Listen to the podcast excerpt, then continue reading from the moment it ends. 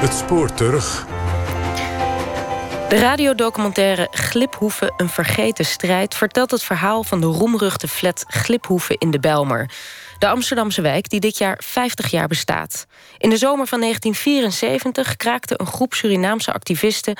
bijna 100 woningen in de flat. Het kraken was een van de eerste uitingen van zwart activisme in Nederland. Wat heeft die strijd van toen opgeleverd? Oorspronkelijk gemaakt voor Radiodoc door Daan Dekker en Maartje Duin. En Jus Mare Maatrijk, de spreker die in de documentaire te horen is, is inmiddels overleden.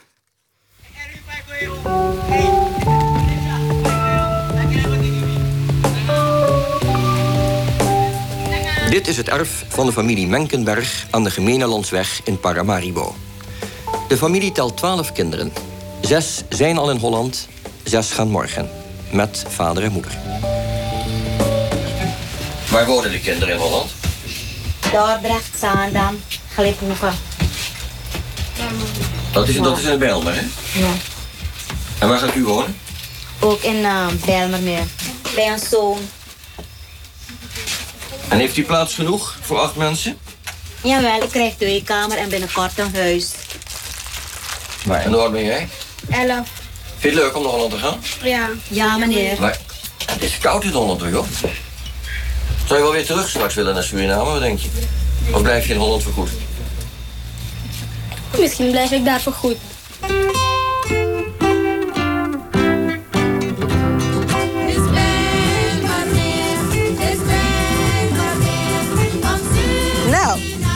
Welkom bij Gliphoeven.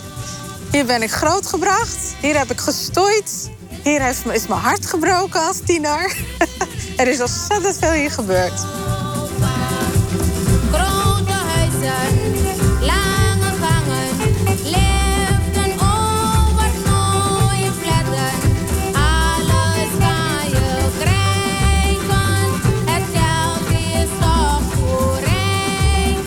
Heb me niet zo eh, verdiept in de politiek. Maar wat ik wel weet is dat eh, Suriname op een gegeven moment onafhankelijk werd. En dat de bewoners toen eh, van Suriname de keus hadden of zij daar zouden blijven of naar Nederland wilden komen.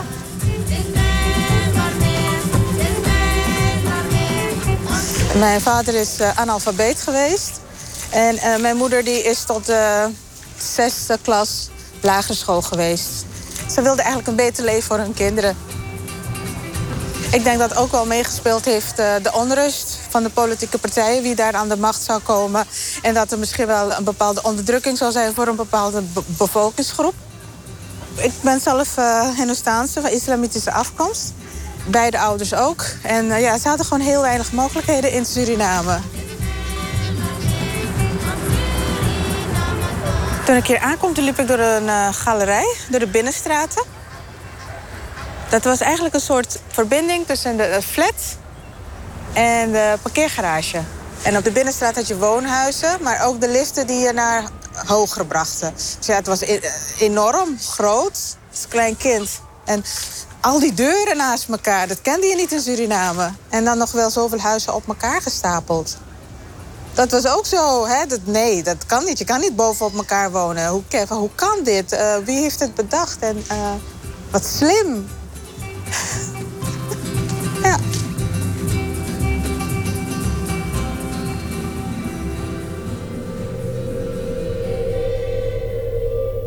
Ik stond te trillen.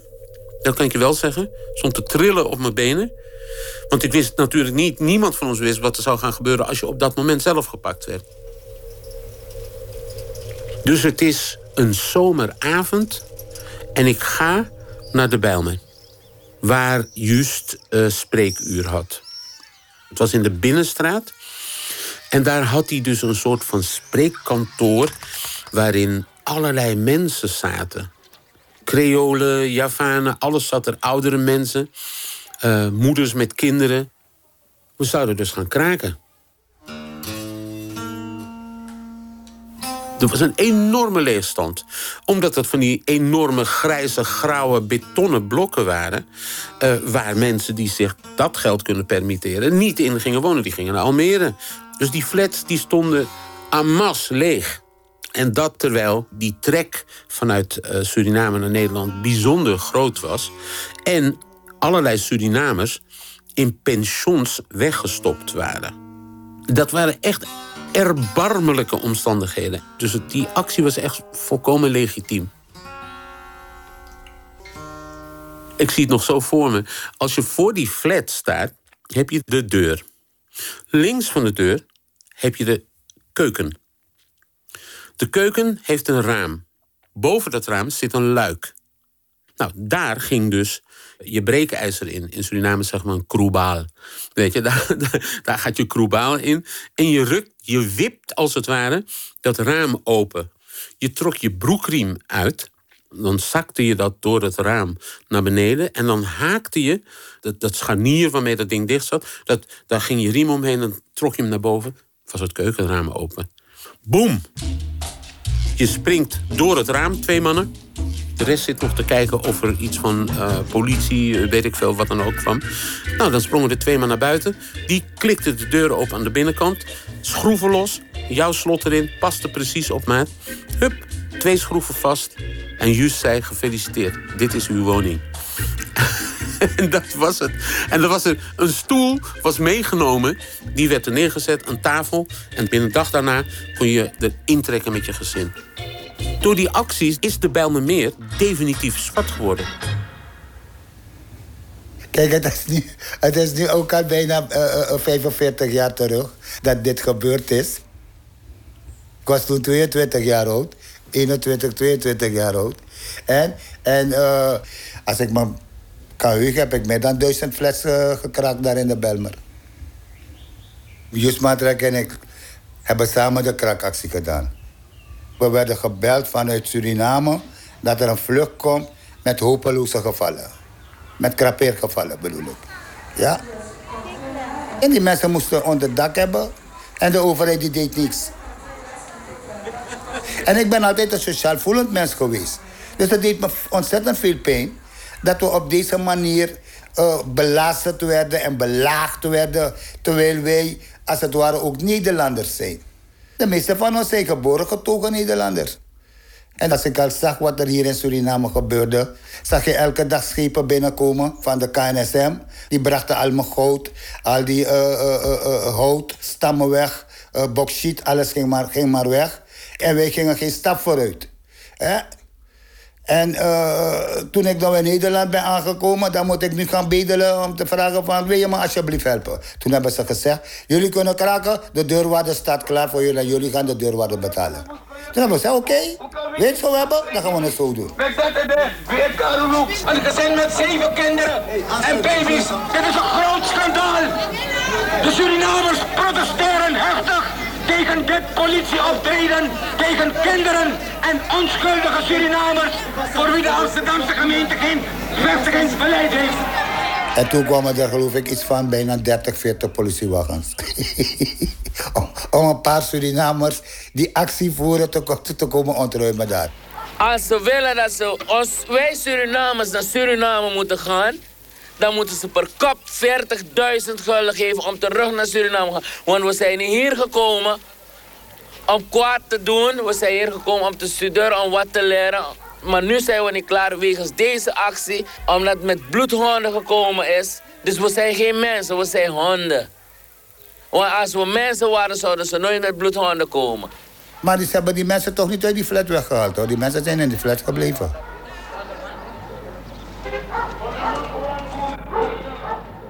Oké, ik ben heel benieuwd.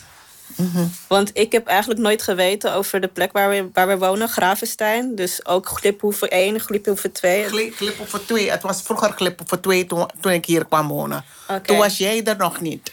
Maar ik wist nooit dat het activistisch was. En ik heb nooit echt eigenlijk geweten over hoe jij erin stond. En je hebt me nooit echt erover verteld. Oh nee, dat klopt. We hebben nooit tijd gehad. Het was altijd werken, studeren, werken, thuiskomen. Dus ik had geen tijdje niets te vertellen. En toen jij zo ver was om activist te worden, ben je woep, direct in het activistenleven gestapt. Dus je hebt gewoon je eigen ding gedaan. Nee, maar ik vind het wel mooi om te zien, omdat we zijn twee verschillende generaties. En je weet dat ik zelf ook heel veel werk aan schrijven, omdat ik vind dat we onze geschiedenis uh, moeten vastleggen. Vooral omdat we ons, de Surinaamse geschiedenis en de geschiedenis van Afrikaanse afkomst heel erg gemarginaliseerd is en zelfs unknown. Het is zelfs wordt niet vaak verteld. Dus ik ben wel benieuwd op dit moment van um, hoe hebben Surinamers de Belmer ervaren vroeger toen ze hier naartoe kwamen.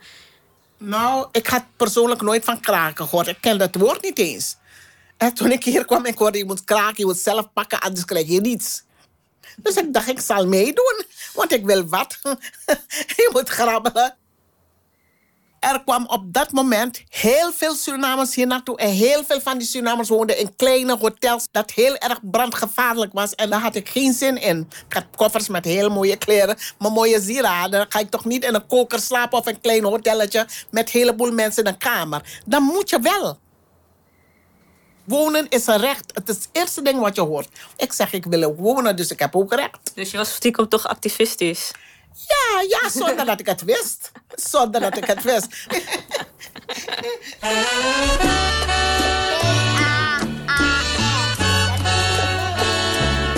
Ja, volgens mij is het het derde huis. Dat herinner ik me wel. Vanaf de lift was het het derde huis. Oh, dit is zo typisch. Wow. Eh, Dus ik naar binnen te kijken, zo van, hebben we echt zo gewoond? Met 20, 30 man? Het is toch... eh, Ja, ik, eh, ik gluur nooit naar binnen, maar dit moest ik even doen. sorry meneer, sorry mevrouw. Hier was het altijd gezellig. Het was hier altijd druk bij mijn oom thuis. Mijn oom, eh, het was eigenlijk een beetje de... Ja, in een indianendorp heb je opperhoofdjes, toch? was eigenlijk eh, ja, zo'n type die, die wist van verbinden, die wist van problemen oplossen. Maar hij zei, kom maar en we gaan vanaf hier alles regelen. En daar ging het om, dat we gewoon een plek hadden waar we dan eh, terecht konden. En eh, iedereen kwam hier eigenlijk. Dus de keuken. En dan had je nog drie slaapkamers en een woonkamer. En je moet je voorstellen hè, dat wij in Suriname eigenlijk gewend waren om op de grond te slapen. Dus alle oppervlakte werd gebruikt als, als slaapplaats.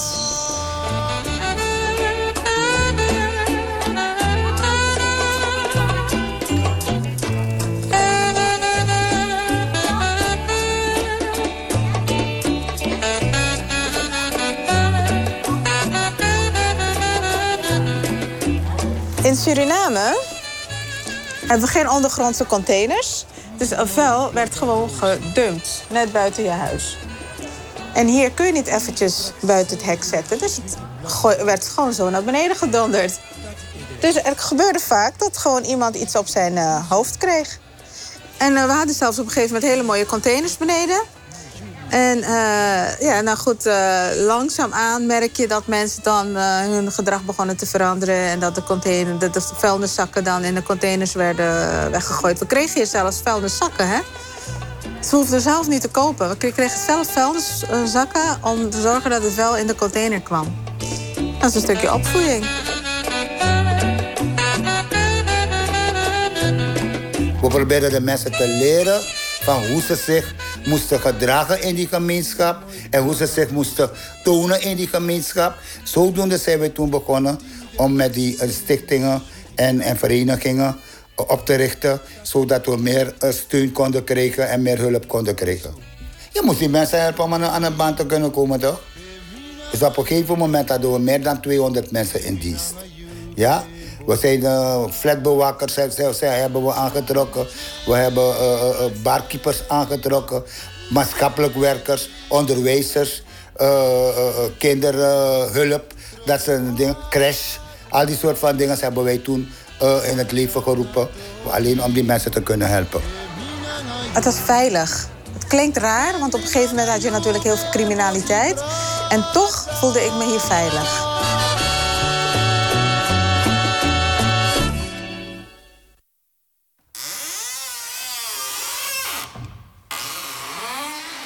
Die flat heb ik weet niet hoeveel geld gekost.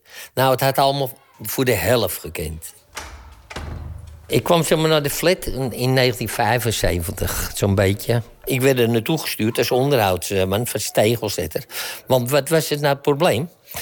Die Surinamers kwamen naar Nederland en die kregen een, zeg maar, een woning. Het was natuurlijk koud voor hun. Sommigen stakken een vuurtje in de huiskamer. Maar ze gingen ook zeg maar, in die badkamer. Zetten ze de warmwaterkraan open. En die lieten ze gewoon lopen. Soms een hele dag. Net sauna werd het. En dan knapte, op laatst knapte de tegels zo van de wand af. En dan moesten wij moesten dat weer allemaal repareren. Dus nieuwe tegels weer eh, opmaken. En een hele hoop van die mensen die waren ook niet gewend, zeg maar, een, een aanrecht. Ze hadden zeg maar, van die kunststof aanrechten in de keuken. En wat deden ze dan? Namen ze kip en dan met een hakbijl. En dan sloegen ze, maar ze sloegen ook nog wel eens naast die kip. Dus er waren erbij, die kregen drie keer per jaar een nieuw aanrechtblad. Op laatst denk je, ach, bekijk het, maar je ging ook, eh, je deed het gewoon, dat was het werk. En we hadden altijd lol. Je had er bordelen.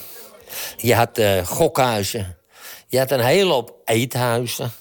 En waar je ook kwam, net op, binnen, hier een fles whisky. En als je leeg is, daar nog een fles whisky. We hebben wel eens gehad dat een van die jongens van ons om negen uur al lam was. Moesten we in de kruiwagen naar beneden brengen. En dan zat je, was ik de enigste blanke. Iedereen, de hele familie, moest altijd met mij op de foto. We waren de bakkeraars, hè, de blanken, dus... Bakkers waren er ook bij, ja. En ook de manier hoe ze gingen dansen, ja. Dat was eh, niet altijd even in de maat, laat me het zo zeggen. Het was de, de Belmer Band, eigenlijk kan je zeggen. Het was echt de houseband van de Belmer. En als je dus in de Belmer woonde, dan was er ook maar één keus. Dansen met de Funmasters.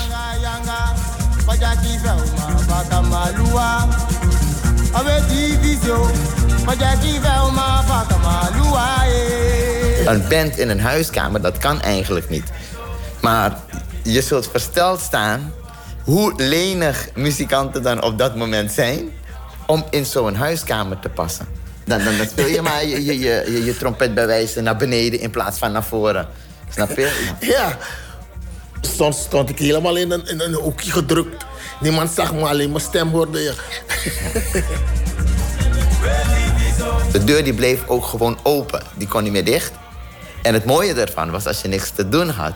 dan hoor je ergens muziek vandaan komen. Ja. En als kleine jongen ben je dan nieuwsgierig, pak je je fiets. En dan volg je gewoon de muziek. En dan eh, parkeer je je fietsje beneden. Ga je naar boven en eh, drink je iets.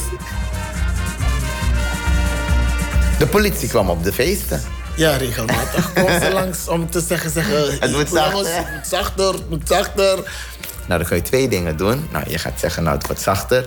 Of je gaat gewoon naar de buren en zeg, joh, kom lekker wat eten, drinken. Dan ben je de politie ook niet meer.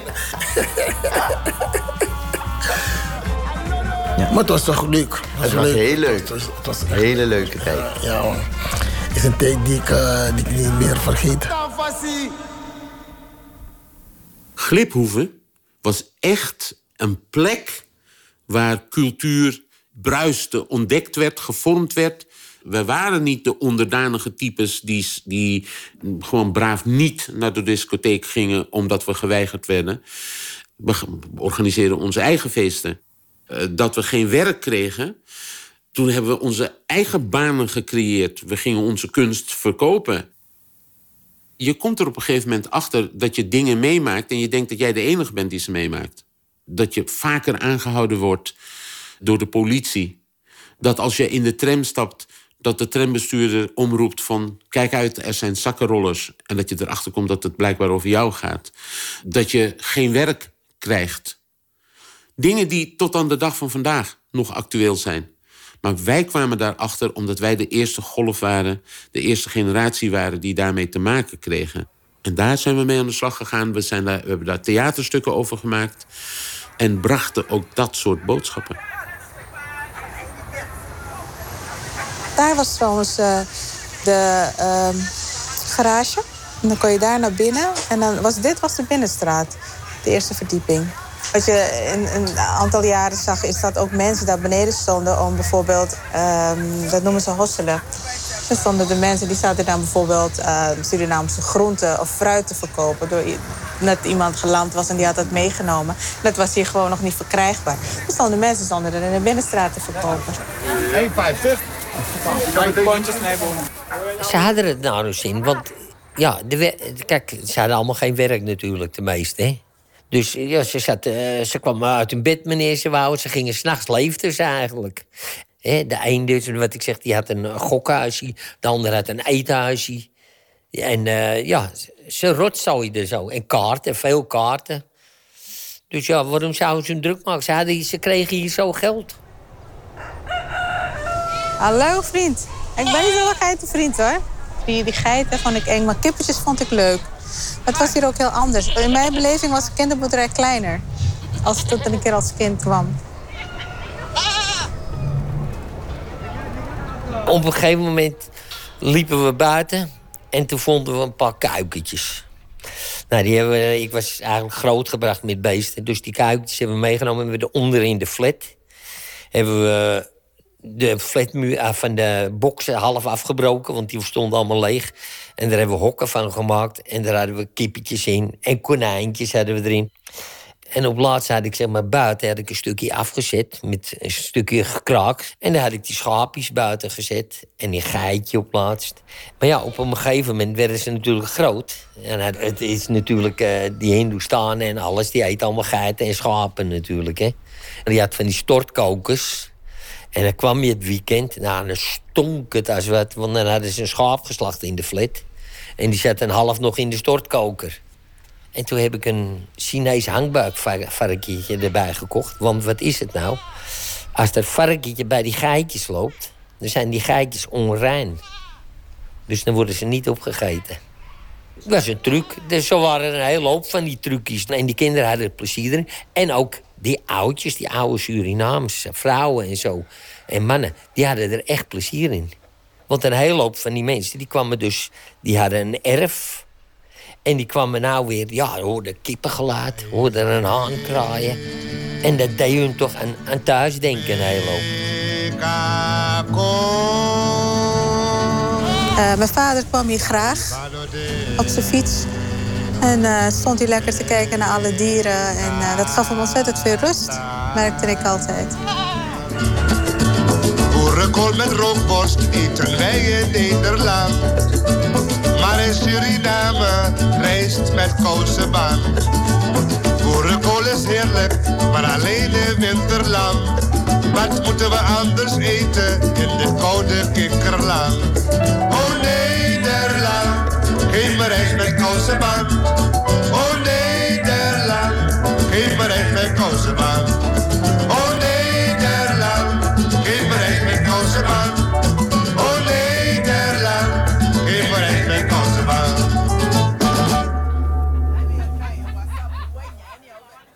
Als je betaald wordt om werk te doen in opdracht van de gemeente Amsterdam, dan is niet de bedoeling dat je daar eh, een kinderboerderij in elkaar timmert en, en konijnen gaat fokken. En dat, deugde niet.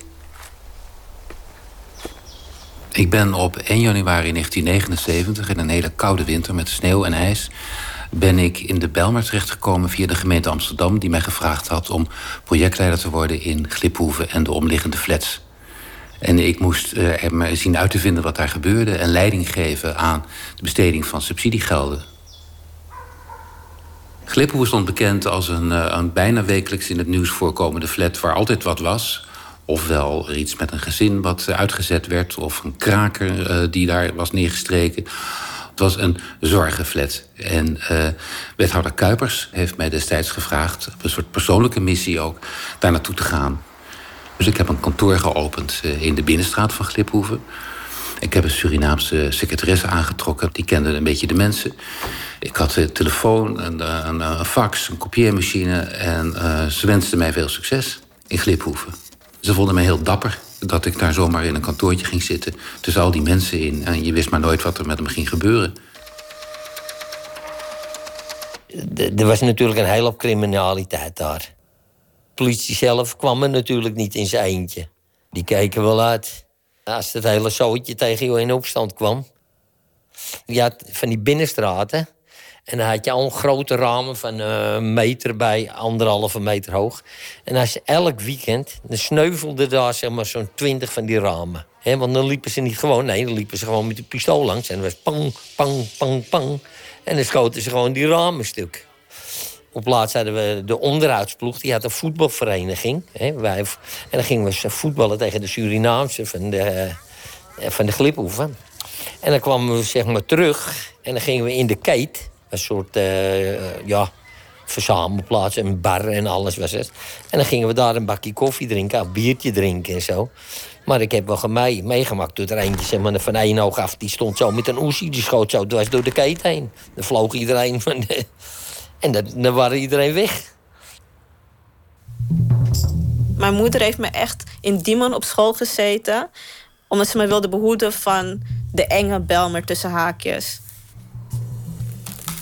Op de foto zie je dus eh, vijf kinderen, vier witte meisjes en één zwart jongen. Dus ik, Ze het- zegt nog soms tegen me dat ik zelfs ook een racist ben. Ik zeg ja. ja. Er werd eh, heel, veel, eh, heel veel gegokt. Er gebeurde ook andere dingen. Drugs hier, drugs daar. De junks in de trappen. En ik heb je daarvoor beschermd. Ja. In 78, zo'n beetje begon dat, hè? Toen het opliep. Je kwam grotere ploegen, ze stonden er steeds in die binnenstraten. Kijk, eerst stonden er zeg maar, misschien eh, 10, 15 man. Maar later stonden er zeg maar, wel een 20, 30. En ook, de, ja, kijk, de dealers stonden er natuurlijk ook.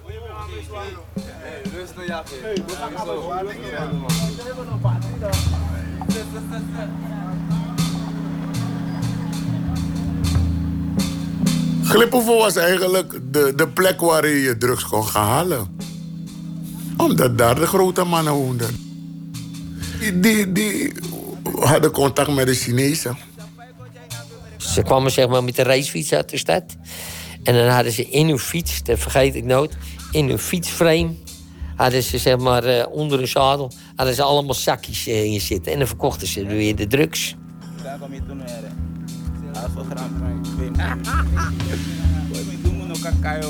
Het gaf ook een beschermd gevoel, want ja, hoge gebouwen, daartussen kon je dan je dingen doen en niemand die op je lette. Dat was het eh, comfortabele van de Belmar. Van als je daar bent, ben je vrij. Ga vrij.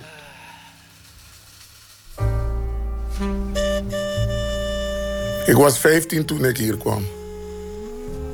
Maar toen ik eenmaal hier kwam, had ik dan wat men zegt aanpassingsproblemen. En later bleek ook dat heroïne je dan toch eh, in een kokon plaatste en dan hoef, hoefde je niet te denken aan hoe je toekomst zal zijn.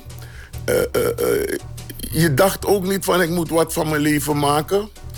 De gedachte dat je uit Suriname komt, heel ver van, van, van huis. Nee, die heroïne geeft zo'n comfortabel gevoel. Je gaat maar door. Iedereen heeft een bergruimte.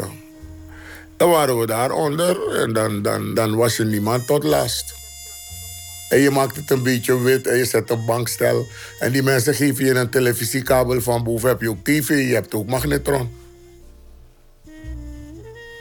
Ze hadden ook dat ze dan een, een gat maakten ergens en dan plank erop en dan gingen ze onder, onder de grond. Woonden ze ook. Ik heb mensen die gewoon in een gat woonden.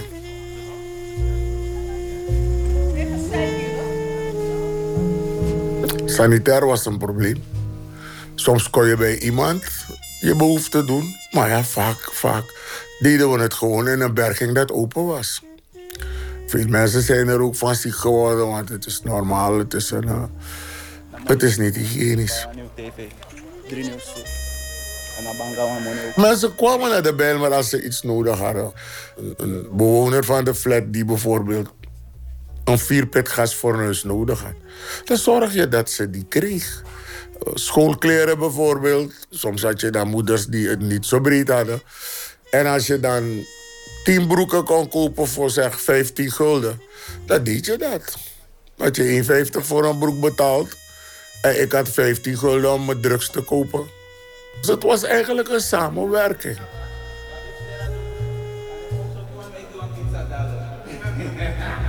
Iedereen is dood. Vooral als ze langer door zijn gegaan. ze langer door zijn gegaan, want dan kreeg je die vergiftigde heroïne. Die heeft ook een, eh, genoeg mensen kapot gemaakt. Je hebt zelf mensen die, die tot nu toe door die een, eh, vergiftigde heroïne eh, hun leven kwijt zijn.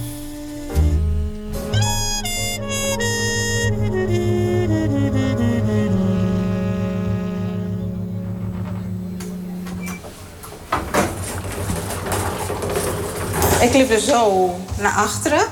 En ik draaide me om. En toen stond hij al hier. En eh, hij hield dus de deur met zijn voet tegen. En eh, hij begon toen eh, met, die mes voor de keel. En geef op wat je hebt. Het ging heel snel allemaal. Het ging echt heel snel. En hij heeft alle kleding, alle nieuwe kleding voor de bruiloft die mijn nichten gekocht hadden. Ik was niet geslaagd, dus ik, ik had nog wel geld. Maar die heb, ik, die heb ik weten te redden, maar de rest dus niet. En dat heeft eigenlijk, eh, dat was de druppel voor mijn ouders. En toen zijn ze zich gaan inschrijven en eh, aangegeven dat we wilden verhuizen. Ik heb mij geschaamd. Ik heb mij geschaamd om te zien hoe die flat achteruit is gegaan. Ja, en ik ben geschrokken om te kunnen merken dat het alleen maar bergafwaarts is gegaan met die flat. Het was bekend bij de politie in de Belmer. Het was bekend in de, in de, in de, wandelgangen in. Weet je, dus de mensen, een heleboel van die mensen die nog steeds in wilden wonen, die zijn ook verhuisd. Want ze konden het niet aan. Dus dat is het. Onze eigen mensen zelf hebben zich ook teruggetrokken. Dat is ook wat er gebeurd is. Ze vonden het erg. Dat is het. Ja. Die drugstijd die volgde op de periode van de overbewoning in Gliphoeven... is natuurlijk ook voor het Surinaams welzijnswerk de, de ondergang geweest. Ze konden ook niet meer geloofwaardig opereren. Een, een, een jongerencentrum openen kon je niet meer zonder dat je, dat je daar uh, de, de junks binnenkreeg. Dat, dat ging niet meer. Dus het werd ook gewoon veel minder gezellig. Er is ontzettend veel gebeurd omdat de begeleiding er niet was. Hadden we een betere begeleiding gekregen, dan was dit niet gebeurd.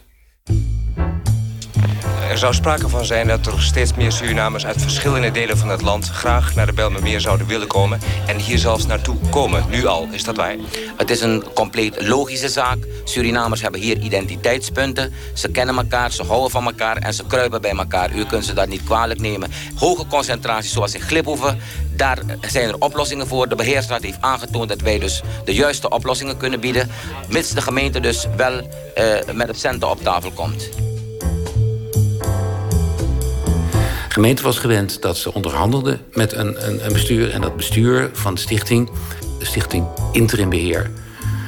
opvolger van een voorganger, de beheersraad. En die had uiteindelijk ook, uh, ondanks allerlei signalen... dat het bij die stichting niet helemaal goed liep... Uh, uh, hebben die altijd behoorlijk wat geld gekregen. In euro's ging daar zeker een paar miljoen per jaar heen. En dat ging alle kanten op. Dat ging deels naar de stichting... En het ging deels ook naar uh, dat technisch herstel en onderhoud. Zonder dat er al te veel werd gecontroleerd. Dat was een probleem. Een probleem wat ik veel scherper in beeld heb gebracht... omdat ik daar met mijn neus bovenop zat... dan de gemeente zich realiseerde. Er werd met geld gestrooid en er was bijvoorbeeld ook altijd contant geld in de kas. En er werd wel eens geld gegeven aan mensen. Dat was dan noodruchtige landgenoten. Daar moest dan geld naartoe. En zo werd het dan op een, bonnetje verantwoord. Het was een, een, een, levendige, maar ook een beetje rommelige wereld.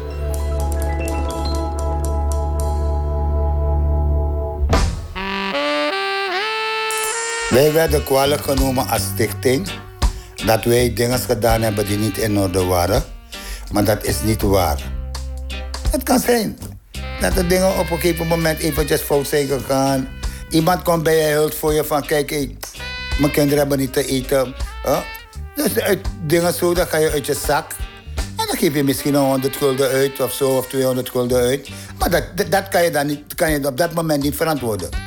Maar als je dan de situatie hebt gekeken, van in welke beroerde toestand die persoon verkeerde, dan moet je hulp bieden toch?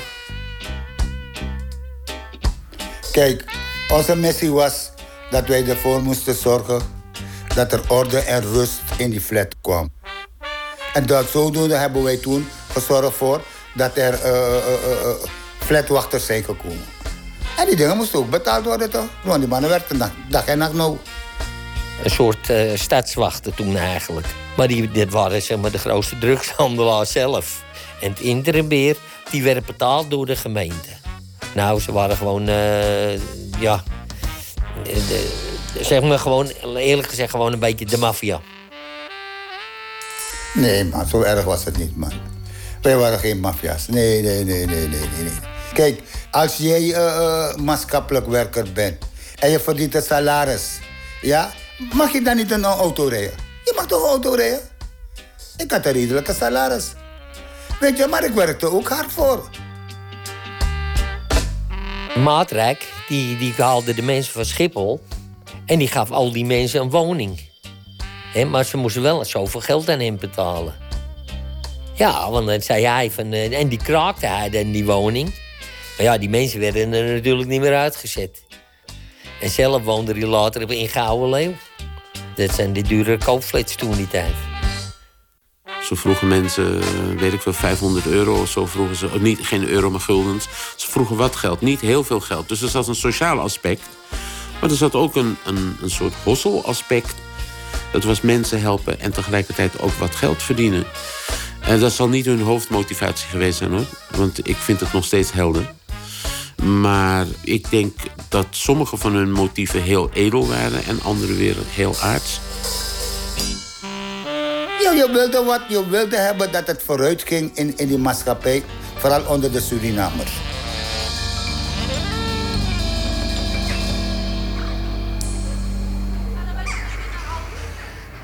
Mijn visie was dat het eh, goed was om op te houden met het permanent geld geven. Aan de ene kant eh, het welzijnswerk en aan de andere kant ook een ploeg van 30, 40 eh, mensen te onderhouden die daar werkelijk achter iedereen aanliepen. Er hoefde maar een kastdeur scheefgezakt te zijn of er stond een timmerman voor de deur en die repareerde het. En eh, mijn, mijn visie was dat het dan niet ging opschieten. Dus toen uiteindelijk het hele verhaal Gliphoeven... ehm, nou, denk ik wel door mijn toedoen... en omdat de gemeente dat ook niet meer kon ontkennen... een andere draai kreeg... eh, dat werd eh, uiteindelijk ertoe geleid heeft dat de subsidie werd stopgezet... van het hele project Gliphoeven. Ja, toen, toen ontstond er natuurlijk een, een beetje paniekerige situatie. Het Surinaams welzijnswerk was er vooral op uit om eh, de eigen belangen veilig te stellen. En de belangen, er werkten toch wel meer dan 100 mensen. En daar zaten gezinnen achter en, en daar werd voor gezorgd. En dat was een machtsbolwerk in de Bijlmermeer. En dat was een beetje, zoals mij altijd werd verteld, Surinaamse politiek. Ik was tamelijk jong en ik was ook wel onbevangen. En ik heb me niet lijfelijk bedreigd gevoeld. Omdat ze altijd zeiden van, we doen wel heel boos... maar er gebeurt je niks. Dus je hoeft je geen zorgen te maken. Maar we gaan wel een hoop lawaai maken. Dat was, daar werd redelijk open over gepraat. Dat was ook wel hilarisch. Eh, Ik ben wel eens een keer zogenaamd bedreigd... dat ze zeiden, we gaan een, eh, een reis met jou maken. En toen vroeg ik, waar gaan we naartoe? Naar een warm land? Ik zei, mag ik raden? Ja, we gaan jou een tijdje weghalen hier... want eh, je zit ons veel te veel met je neus aan onze zaken. Zo werd mij dat gezegd, maar er werd ook gelijk weer hartelijk om gelachen. Dus het was niet een, een nare, bedreigende sfeer. Maar ik ben wel eens een keer op een inspraakavond... ben ik, ben ik achter een gordijn getrokken. En dan werd er geroepen van, nou hebben we hem, of zo. En dan gaan we naar het stadhuis bellen. En, eh, en dan moeten ze wel dit en dan moeten ze wel dat. Maar als je mij je vingertje wijst, dan zal ik je wat bewijzen. Robinomo, als je mij je vingertje wijst, dan zal ik je wat bewijzen. Ik Gliphoeven was extreem. Eh, je zag eh, in een flat met een paar honderd eh, appartementen... zag je misschien eh, een paar duizend Surinamers bij elkaar. En dat, dat symboliseerde natuurlijk de schrik ook bij de Nederlandse overheid. Van, oh jee, wat moeten we met, eh, met zoveel Surinamers hier? Dus wat doe je? Je koopt het af. Je stopt er geld in. En als jij enorme bedragen geeft uit een soort van schuldgevoel van er is daar een situatie ontstaan waarvan ik niet precies weet hoe dat is. En ik ga eh, zogenaamd schoonmaakploegen eh, eh, inhuren. En je controleert dat niet strak, dan zie je dat daar een soort van cliëntelisme ontstaat. En, en dat is wat er misgegaan is. Ze waren heel slim natuurlijk, de Surinamers. En die Nederlanders, die zeiden al, ah, laat maar, ze moeten aanpassen en ze moeten dit. En die mensen moeten nog een hoop leren. Ja, als wij zeiden van, goh, dat aanrechtblad is alweer stuk op dat en dat nummer. Dat is al de derde van het jaar. Daar mocht je niks van zeggen. Omdat het natuurlijk gauw discriminatie was. En dat is dom natuurlijk. Maar ja, die kijkt die ambtenaar, die denkt, oh, laat me gaan. eh, als ik mijn geld wel vang.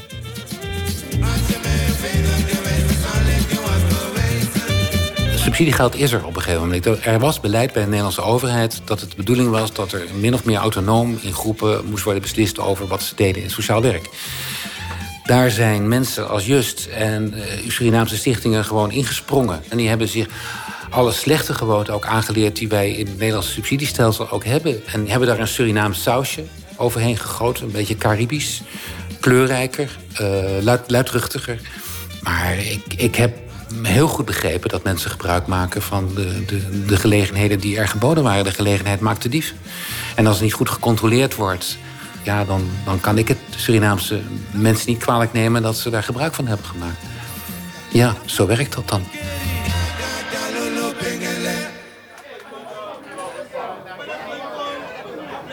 Maar om weer terug te komen op Gliphoeven.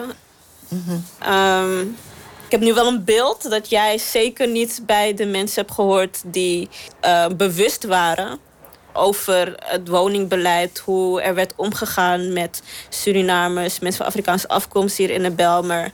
Maar ik vind het heel belangrijk om wel te zeggen dat waarom we het constant steeds beter hebben, of het nu binnen onze Surinaamse omgeving is, of in de vrouwengemeenschap of waar dan ook, dat er altijd een klein groepje mensen zijn die wel voor die vrijheid hebben gevochten, dat het steeds beter gaat met ons als gemeenschap over de hele wereld. En daar ben jij je niet bewust van, van die geschiedenis toen de tijd. Het kan, ik kan, maar ik heb me nooit ermee bemoeid. En daarom dat ik altijd happy was. Ik ben niet iemand van het verleden. Ik ben iemand van het heden. Ik weet wel dat ik de sleutel van die woning gehad heb. En ik weet wel dat ik goed behandeld ben. Waarvoor we gevochten hebben, hebben wij gekregen. We hebben het verdiend. Maar het is niet dat we kunnen zeggen van... Ah, we, hebben die, we, zijn geweldig geweest. Nee, we zijn niet geweldig geweest. We hebben geprobeerd voor het volk te doen, voor onze mensen te doen... wat we konden doen en dat hebben we gedaan. Kijk, ik wil niet weer hebben dat ik gefrustreerd raak... of dat ik weer eh, depressies ga krijgen. Weet je? Want ik heb, ik heb daarna, door het hele druk van het werk... ben ik geestelijk verschrikkelijk achteruit gegaan. We hebben geprobeerd wat van te maken. We hebben geprobeerd wat van te maken. Josi, now I want to the tranga futachi. De ingrijpende verbouwingen zijn nodig omdat de gliphoeve op grote schaal verloederd is. Hij krijgt een nieuwe naam. BMW omgedoopt tot Geldershof en Gravenstein. In zijn toespraak had burgemeester Van Tijn het treurig genoemd... dat dit complex valt onder een subsidieregeling voor naoorlogse woningverbetering... terwijl de flat zelf pas 13 jaar oud is. Van Tijn zei te geloven dat de Bijlmer binnen een paar jaar... weer tot volle tevredenheid bewoond kan worden. Ik had toch het gevoel dat het mijn flat was. En niemand kon me wat maken. Het was mijn thuis. Ik denk dat iedereen die in Gliphoeven gewoond heeft, van mijn leeftijd, is allemaal hetzelfde zeggen. En soms zie je mensen echt na jaren. En eh, het is toch net alsof je elkaar net eh, pas eh, in de flat ontmoet hebt. So I just see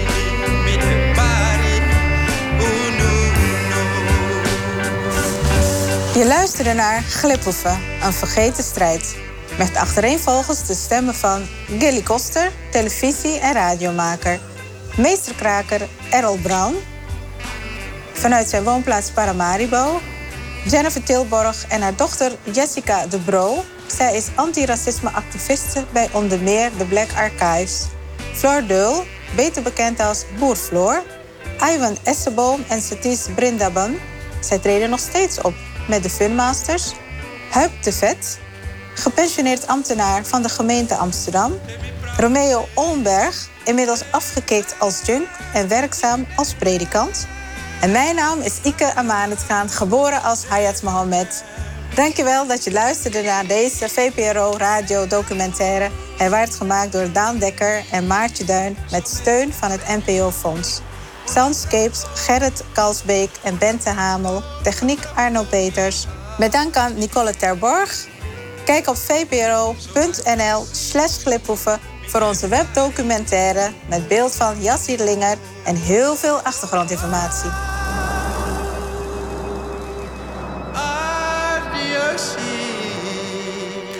Ja, dat was Gliphoeven, een vergeten strijd. Dit jaar gemaakt voor Radio